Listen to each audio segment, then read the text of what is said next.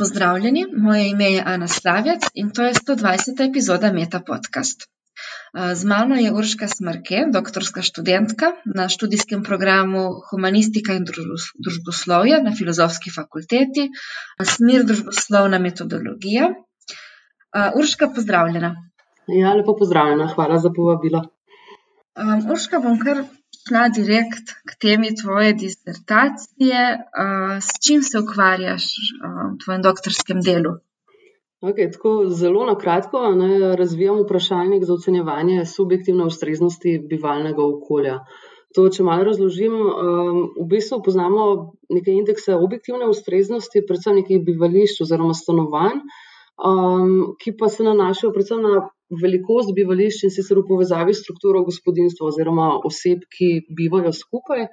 Pa na tem področju je pogosto proučevano tudi zadovoljstvo z bivalnim okoljem, ampak nekako ni dovolj, se mi zdi, to za razumevanje malo širše subjektivnosti pri bivanju. Nekako mislim, da se med seboj zelo razlikujemo po tem, kakšne so naše potrebe v samem bivalnem prostoru, kaj nam je sprejemljivo, kaj nam ni, kakšen je recimo naš življenjski slog in tako naprej.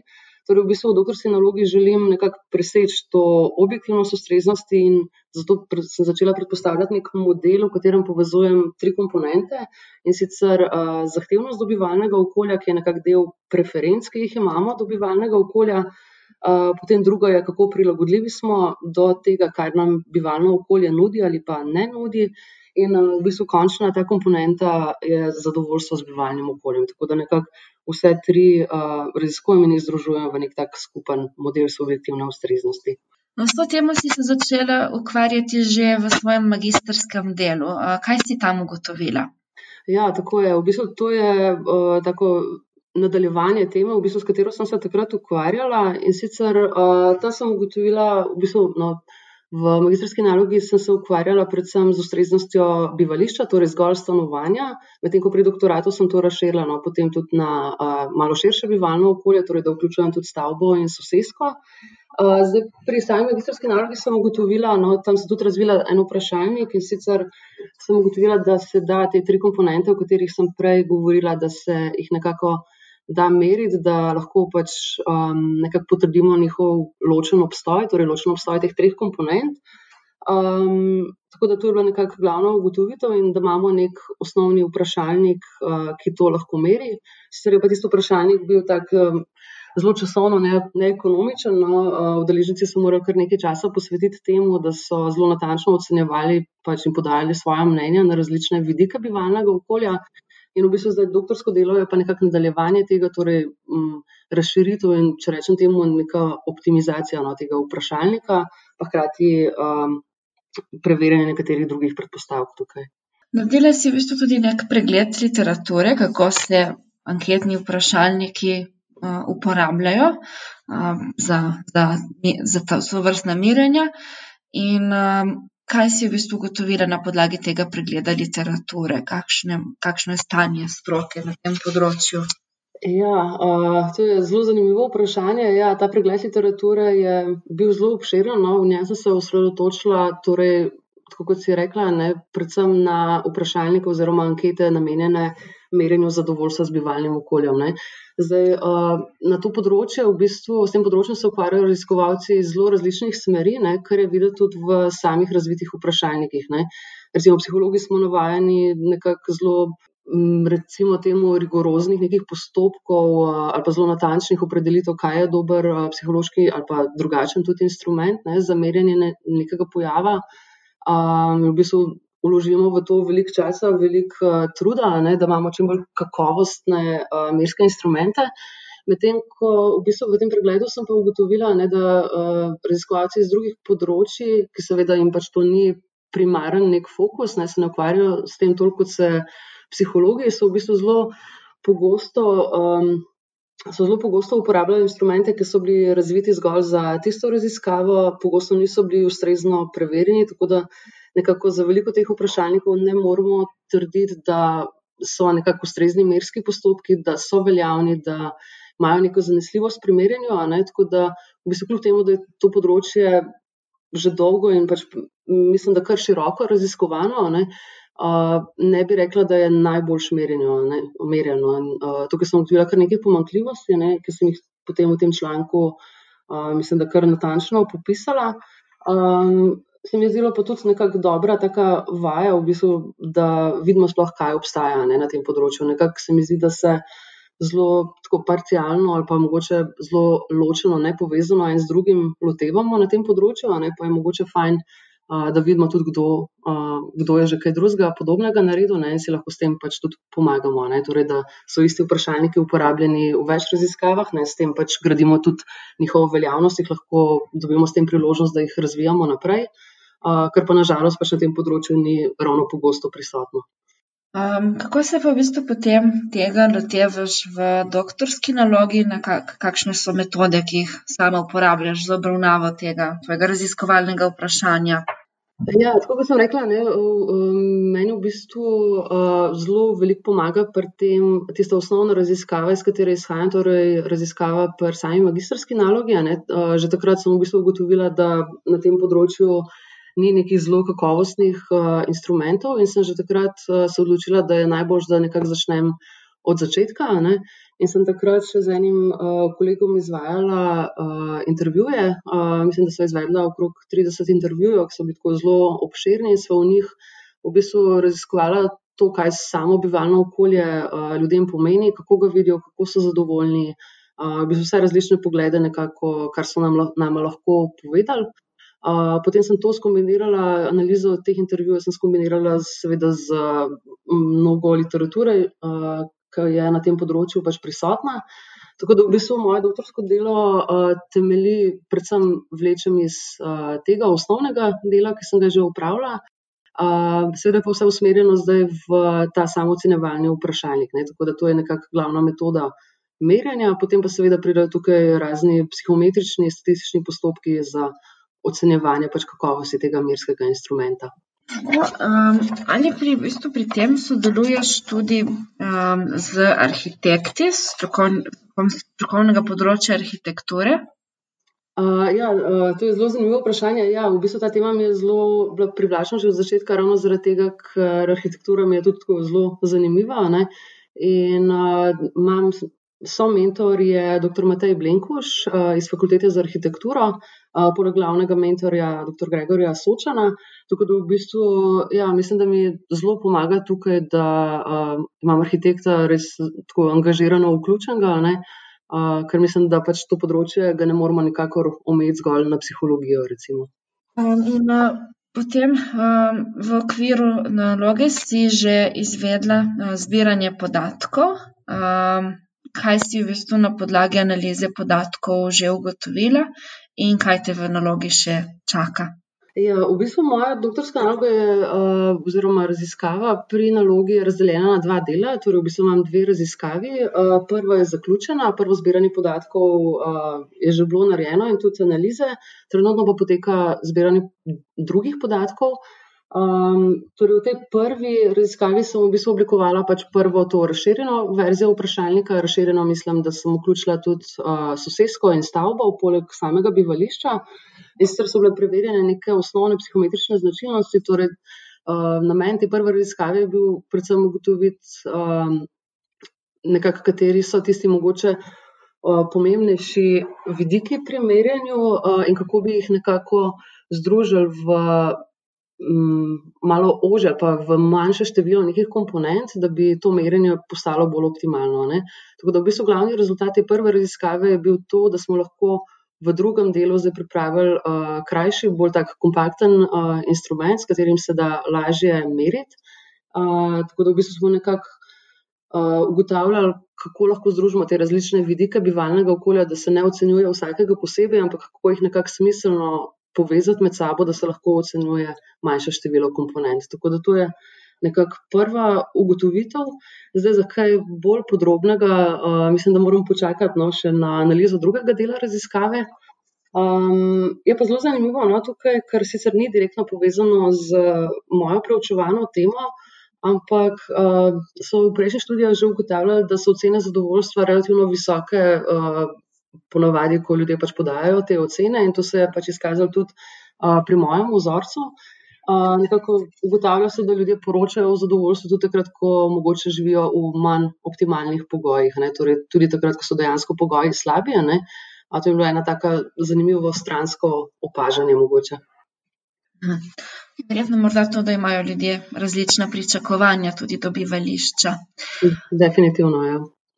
Um, kaj pa, ker v bistvu um, obstajajo različni tipi stavb, um, je treba te merske instrumente, vprašalnike, um, so potrebne kakšne prilagoditve, ko sprašujemo za različne tipe stavb, ali lahko z podobnimi instrumenti lahko merimo tako večstanovanske kot enostanovanske stavbe. Um, zdaj, gotovo je to v prvi vrsti vprašanje samega merskega instrumenta, ne? ker so si zelo različni med sabo. Ne? Nekateri recimo merijo zgolj z nekimi splošnimi vprašanji, torej v smislu, ste zadovoljni s svojim bivalnim okoljem in tako naprej. Recimo za tak bolj podroben instrument, kot ga sama razvijam, pa je gotovo potrebno pač narediti neko razliko med vsemi temi tipi stavb. Namreč bivanje v enostanovanski uh, hiši se pač močno razlikuje ne, od bivanja v bloku v mestu. Recimo, uh, tako da v bistvu jaz se tukaj sem se omejila na večstanovanske stavbe, torej nekakšne stavbe, ki imajo tri ali več stanovanj. Recimo, sprašujem tudi v samem instrumentu, kako zadovoljni so recimo, z upravljanjem, kako jim je pomemben ta vidik, kako so jim pomembni skupni prostori in tako naprej. Tako da v bistvu to aplicirati na recimo eno stanovansko hišo bi bilo v bistvu nesmiselno. Ne? Da, um, mislim, da je najbolj odvisno od samega instrumenta, je pač potrebno ga dobro poznati, preveriti, če je ustrezen za uporabo in se potem odločiti, ali je ok ali ni. Um, kaj pa recimo, um, so, uh, osredotočaš se v bistvu na, na, na bivalno okolje, torej stavbe, kjer ljudje stanujejo, kaj pa recimo, um, si se ukvarjala tudi kaj z uh, drugimi tipi Eh, stavb, torej stavbe, eh, kjer ljudje delajo, pač delovna mesta, razne ustanove.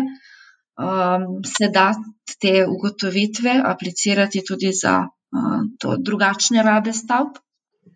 Um, ja, tem se nisem nikoli podrobno ukvarjala, bolj tako kot um, razmišljam. No, ko vidim, kakšno stavbo, ne, kako deluje, uh, pa se potem malo zgubim v teh razmislekih. Ne.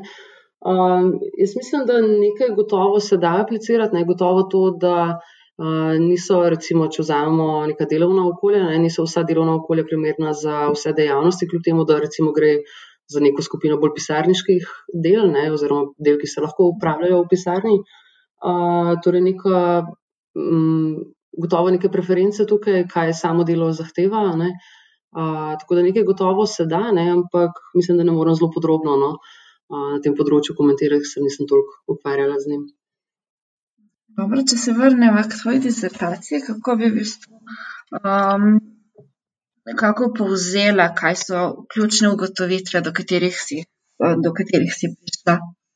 Ja, v bistvu nekako najbolj ugotavljam, kot sem že rekla, te tri komponente, ne, torej da uh, tudi iz literature, kot iz mojih uh, raziskovanj da v bistvu preference se zelo razlikujejo, ne, tudi neka zahtevnost ljudi do bivalnih okolij se zelo razlikuje.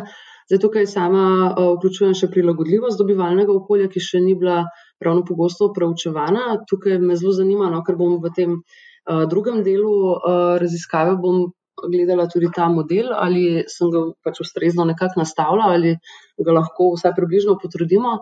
Um, tako da to v bistvu še čakam. Um, Ja, bi pa rekla, da nekako se zaenkrat potrjuje to, kar vemo iz prejšnjih študij. Ne? Tako kot sem rekla, relativno visoko zadovoljstvo, ne? razlika v preferencah in tako naprej. A je trenutna epidemija koronavirusa kaj vplivala na tvoje raziskovalno delo, um, v smislu, vsebinskem smislu, če v bistvu, ker je zbiranje podatkov potekalo v tem letu, ali si imela v bistvu zaradi tega kakšne ovire, ali pa morda zaradi tega, ker so se um, mogoče percepcije ljudi glede bivališča spremenile, ker pač letos vsi preživljamo precej več časa v svojem bivalnem okolju kot običajno. Kako je to vplivalo na tvoje raziskovalno delo? Ja, uh, jaz uh, v bistvu uporabljam spletni vprašalnik, tako da samim dostopom do udeležencev načeloma nimam velikih težav. Um, bi pa rekla, ja, da gotovo se je percepcija ljudi spremenila. Mislim, da vsaj tako, kot se pogovarjam z ljudmi, uh, nekako so bolj pozorni na svoje bivalno okolje. Po Ljubljani vidimo tudi, da recimo so neke sosedske, ki pa neki skupni prostori sosedsk, ki niso bili prej pogosto uporabljeni, zdaj nekako so bolj zaživeli v tem času. Jaz bi rekla, da se sigurno vpliva, ne morem še reči, ali je to vplivalo na moje rezultate, ker drugi del podatkov uh, pač še zbiram. Uh, se pa pozna, da v bistvu na nek način teže pridobim udeležence, torej da si vzamejo čas. Ne, se mi zdi, da je veliko ljudi zdaj doma zelo obremenjenih, tako da tukaj se vsaj delno pozna. Uh, sami rezultati bom pa videla, no, potem, ko bom lahko primerjala um, rezultate prve pa, prve pa druge raziskave, uh, takrat bom v bistvu šele vedela, do kakšnih razlik uh, prihaja mogoče tukaj. Ja, za razliko od večine ostalih gostov v podkastu, uh, samo v bistvu nisi um, na tej temi, s katero se raziskovalno ukvarjaš, ne delaš v okviru tvoje redne zaposlitve, ampak uh, doktorat praviš v prostem času. Uh, si pa vseeno zaposlena kot raziskovalka v, na Univerzi v Mariboru v laboratoriju za digitalno procesiranje signalov. S čim se pa tam ukvarjate v tem laboratoriju, s kakšnimi temami? Ja, tako, ta laboratorij je del fakultete za elektrotehniko, računalništvo in informatiko. In v bistvu tukaj se ukvarjamo, ukvarjajo predvsem z umetno inteligenco in v bistvu digitalnim procesiranjem signalov, kot že ime laboratorija pove in v bistvu proučevanjem te interakcije med človekom in strojem, oziroma med človekom in tehnologijo. Uh, predvsem se osredotočamo tukaj na dva elementa, uh, torej na neko razumevanje človeka, torej kako sama tehnologija človeka lahko razume, in v drugo smer, kako tehnologija podaja te informacije, neke informacije osebi na čim bolj naraven način. Torej, tukaj je zelo, pomembna, uh, zelo pomemben fokus na neko večmodalnost, torej da se vključuje pri teh interakcijah. Uh, sam govor, jezik, eh, recimo geste osebe. Tukaj pride noter tudi neko razpoznavanje počutja preko govora, izražanja, eh, tako da nekako več modalno poskušamo zajeti, kaj oseba sporoča. Eh, in v bistvu cilj tega, nek širši cilj tega raziskovanja pa je mogoče olajšanje interakcije med osebo in tehnologijo. Torej, da bi bila tehnologija čim bolj enostavna, čim bolj uporabna in da bi v bistvu potekala nekako na temelju spontanega oziroma naravnega govora. In naj recimo, kot poznamo, zdaj vsi umestniki, ki zahtevajo recimo točno določene fraze ali pa besede, ki jih pač ta umestnik zmožen razpoznati in se potem lahko skladno z njimi odziva.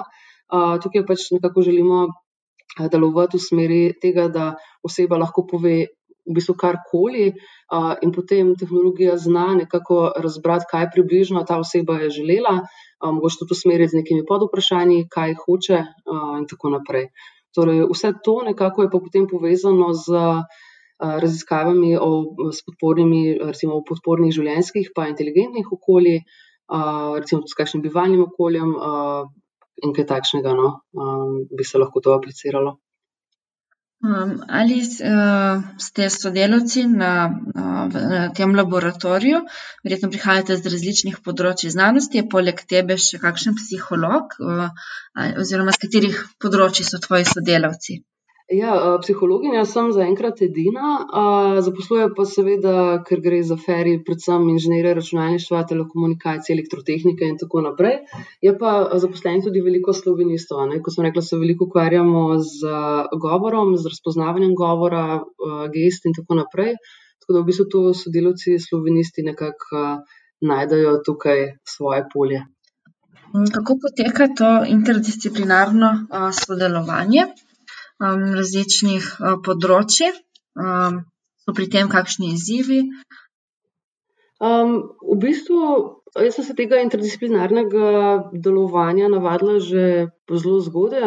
Tudi sama izbira moje magistrske naloge in potem doktorske je šla v to smer. Moja prejšnja zaposlitev je tudi nekako uh, bila v tej smeri, tako da za me ni to nič v bistvu novega. Uh, in mi je v bistvu izjemno zanimivo takšno delo. Vse čas lahko vidiš uh, v bistvu na, način, kako ti razmišljaš o določenih stvareh, kako nekdo drug razmišlja. Ne? Včasih je mogoče potrebna kakšna debata več, da vemo, o čem govorimo. Ne? Je pa zelo zanimivo, ker vsak lahko nek svoj delček prispeva in potem tako zelo zanimive stvari iz tega pridajo ven. Um, zdaj pa konkretno ta projekt, katerem, na katerem si zaposlena. Uh, omenila si mi, da gre za uporabo vprašalnikov na področju uh, zdravstva. Uh, za kakšen projekt gre? Uh, tako, ja, v bistvu to, kar si omenila, je uh, en majhen delček ne, celotnega projekta. V bistvu gre za projekt Persist. Uh, ta projekt se osredotoča na osebe, ki so preživele raka dojke oziroma raka debelega črevesja. Namreč v zadnjih letih se je zdravljenje raka v akutni fazi izjemno izboljšalo, veliko novih donav, veliko novih aplikacij je tukaj možnih. Manj pozornosti pa je v bistvu namenjeno obdobju, ki pride potem, ko je rak v remisiji, ne, torej po tej akutni fazi. In v bistvu ugotavlja se, da tudi v tem obdobju osebe potrebujejo neko posebno podporo, posebno nego, ki pomaga ali pa nekako podpira bolj kakovostno življenje in seveda pomaga zmanjšati um, neko verjetnost, recimo temu ponovnih obolenj oziroma hitrejšo neko identifikacijo nekih neželenih sprememb. In v bistvu srednji cilj tega projekta je razvoj sistema, ki bo nekako podporo zdravnikom pri odločanju o zdravljenju. Torej, temelji na tehnologiji umetne inteligence in velikih podatkov. In tukaj razvijamo pa sistem, ki bo imel dve komponenti in sicer eno komponento za oddaljeno in vso personalizirano spremljanje posameznega pacijenta. Tukaj nekako pride moje delo zraven, torej, kot si rekla, ne vprašalniki in tako naprej. Um, tukaj v bistvu poskušamo uh, razviti nek sistem, ki bo sposoben pri teh posameznikih detektirati, ali uh, se mogoče pojavljajo kakšni depresiv, znaki depresije, znaki anksioznosti in tako naprej, torej nekih uh, psiholoških stanj, ki nekako lahko krnijo kvaliteto življenja teh oseb. Druga komponenta pa je komponenta za podporo kliničnih odločitev in tudi torej za podporo zdravnikom pri njihovih odločitvah. In v bistvu ti dve komponenti bosta povezani v neko platformo, če temu lahko tako rečem, in boste v bistvu povezovali to, ta celoten sistem v neko skupno entiteto. Dobro, zdaj bi šla pa še na ta zadnji sklop vprašanj, ki jih postavimo vsakemu intervjuvencu. Mhm. Um, ali se spomniš kakšne zabavne ali zanimive anekdote za časa doktorskega študija? Hm. Ja, o tem sem razmišljala, pa v bistvu um, Tako da bi rekla, da imam kakšno res uh, posebno tako točko, mislim, da ne, ampak mi je pa vedno zanimiv ta pogled v razmišljanja udeležencev mojih raziskav. Uh, sicer pri teh svojih spletnih vprašanjih, običajno na koncu pustim pač nek prostor za kakršne koli komentarje. Ne? In ker gre za temo, kjer mislim, da ima vsakdo kar nekaj mnen, uh, je ta mnenja mi vedno tako zanimivo prebrati, se zelo zabavam ob njih nekako udeleženci, nekateri zelo radi posredujejo recimo svoje mnenje o stanovanski politiki, o delovanju države, o delovanju družbe. Tako da v bistvu tudi z tega vidika so bili tisti začetni intervjuji nekako izjemno zanimivi. Ne? Sem nekako pridobila še drugačen upogled, torej preko teh vprašalnikov sem bila ta upogled v razmišljanje ljudi, torej o njihovem bivalnem okolju, ki je seveda povezano pač z marsičem, kar opažajo v svojem življenju. Kako so se od opisa do danes spremenila tvoja pričakovanja glede doktorskega študija? Bi se ponovno odločila za doktorski študij? Uh, ja, mislim, da se bi uh, ponovno odločila. Tudi tema je takšna, da mislim, da bi jo še enkrat uh, izbrala. Sama pričakovanja mislim, da se niso bistveno spremenila. Uh, kar pa bi spremenila, mogoče, če bi bilo možno v tem poteku, je to, da uh, sem se nekako takrat, ko sem se odločila za doktorat, sem se odločila usporedno s svojo prejšnjo zaposlitvijo. In v bistvu mislim, da bi mi bilo veliko lažje, če bi nekako doktorat bila v bistvu edina glavna stvar, s katero bi se ukvarjala, torej v smislu mlade, mladega raziskovalca ali kaj podobnega. Ne? Uh, tako da nekako si želim, da bi lahko imela v teh letih malo več časa ne, za doktorat, ampak načeloma pa mislim, da se je nekaj dosti spremenilo, no, glede mojih pričakovanj. Kakšni so tvoji načrti, kaj boš počela čez pet let in kaj čez 40 let? Hm, ja, to je zelo zanimivo vprašanje. Um, težko odgovoriti. Ne? Uh, nekaj čez pet let upam, da mi bo uspelo vse bolj združiti te številne interese, ki jih imam pri raziskovanju, torej nekako, da bi uspela združiti uh, ukvarjanje s tem bivalnim okoljem in kako ga dojemamo, uh, s samim duševnim zdravjem, recimo z merjenjem na tem področju, s kakovostjo življenja, nekako smer, v katero grem, ampak bi si želela, da bi uh, se nekako še bolj uh, jasno skristalizirala. Uh, zdaj, čez 40 let, v bistvu pa je tako daleč, da si ne upam, kaj dosti napovedati. Uh, tako da ne vem. Kot si sama menila, v bistvu kombiniraš pač redno delo na projektu in uh, doktorsko delo, ki je tudi zelo obsežna zadeva. Imaš kakšen nasvet za druge doktorske študente? Bi jim predlagala kakšno tehniko za upravljanje s časom, ki tebi pomaga, ali pa morda kakšen računalniški program, ki ti olajša delo in prihrani čas?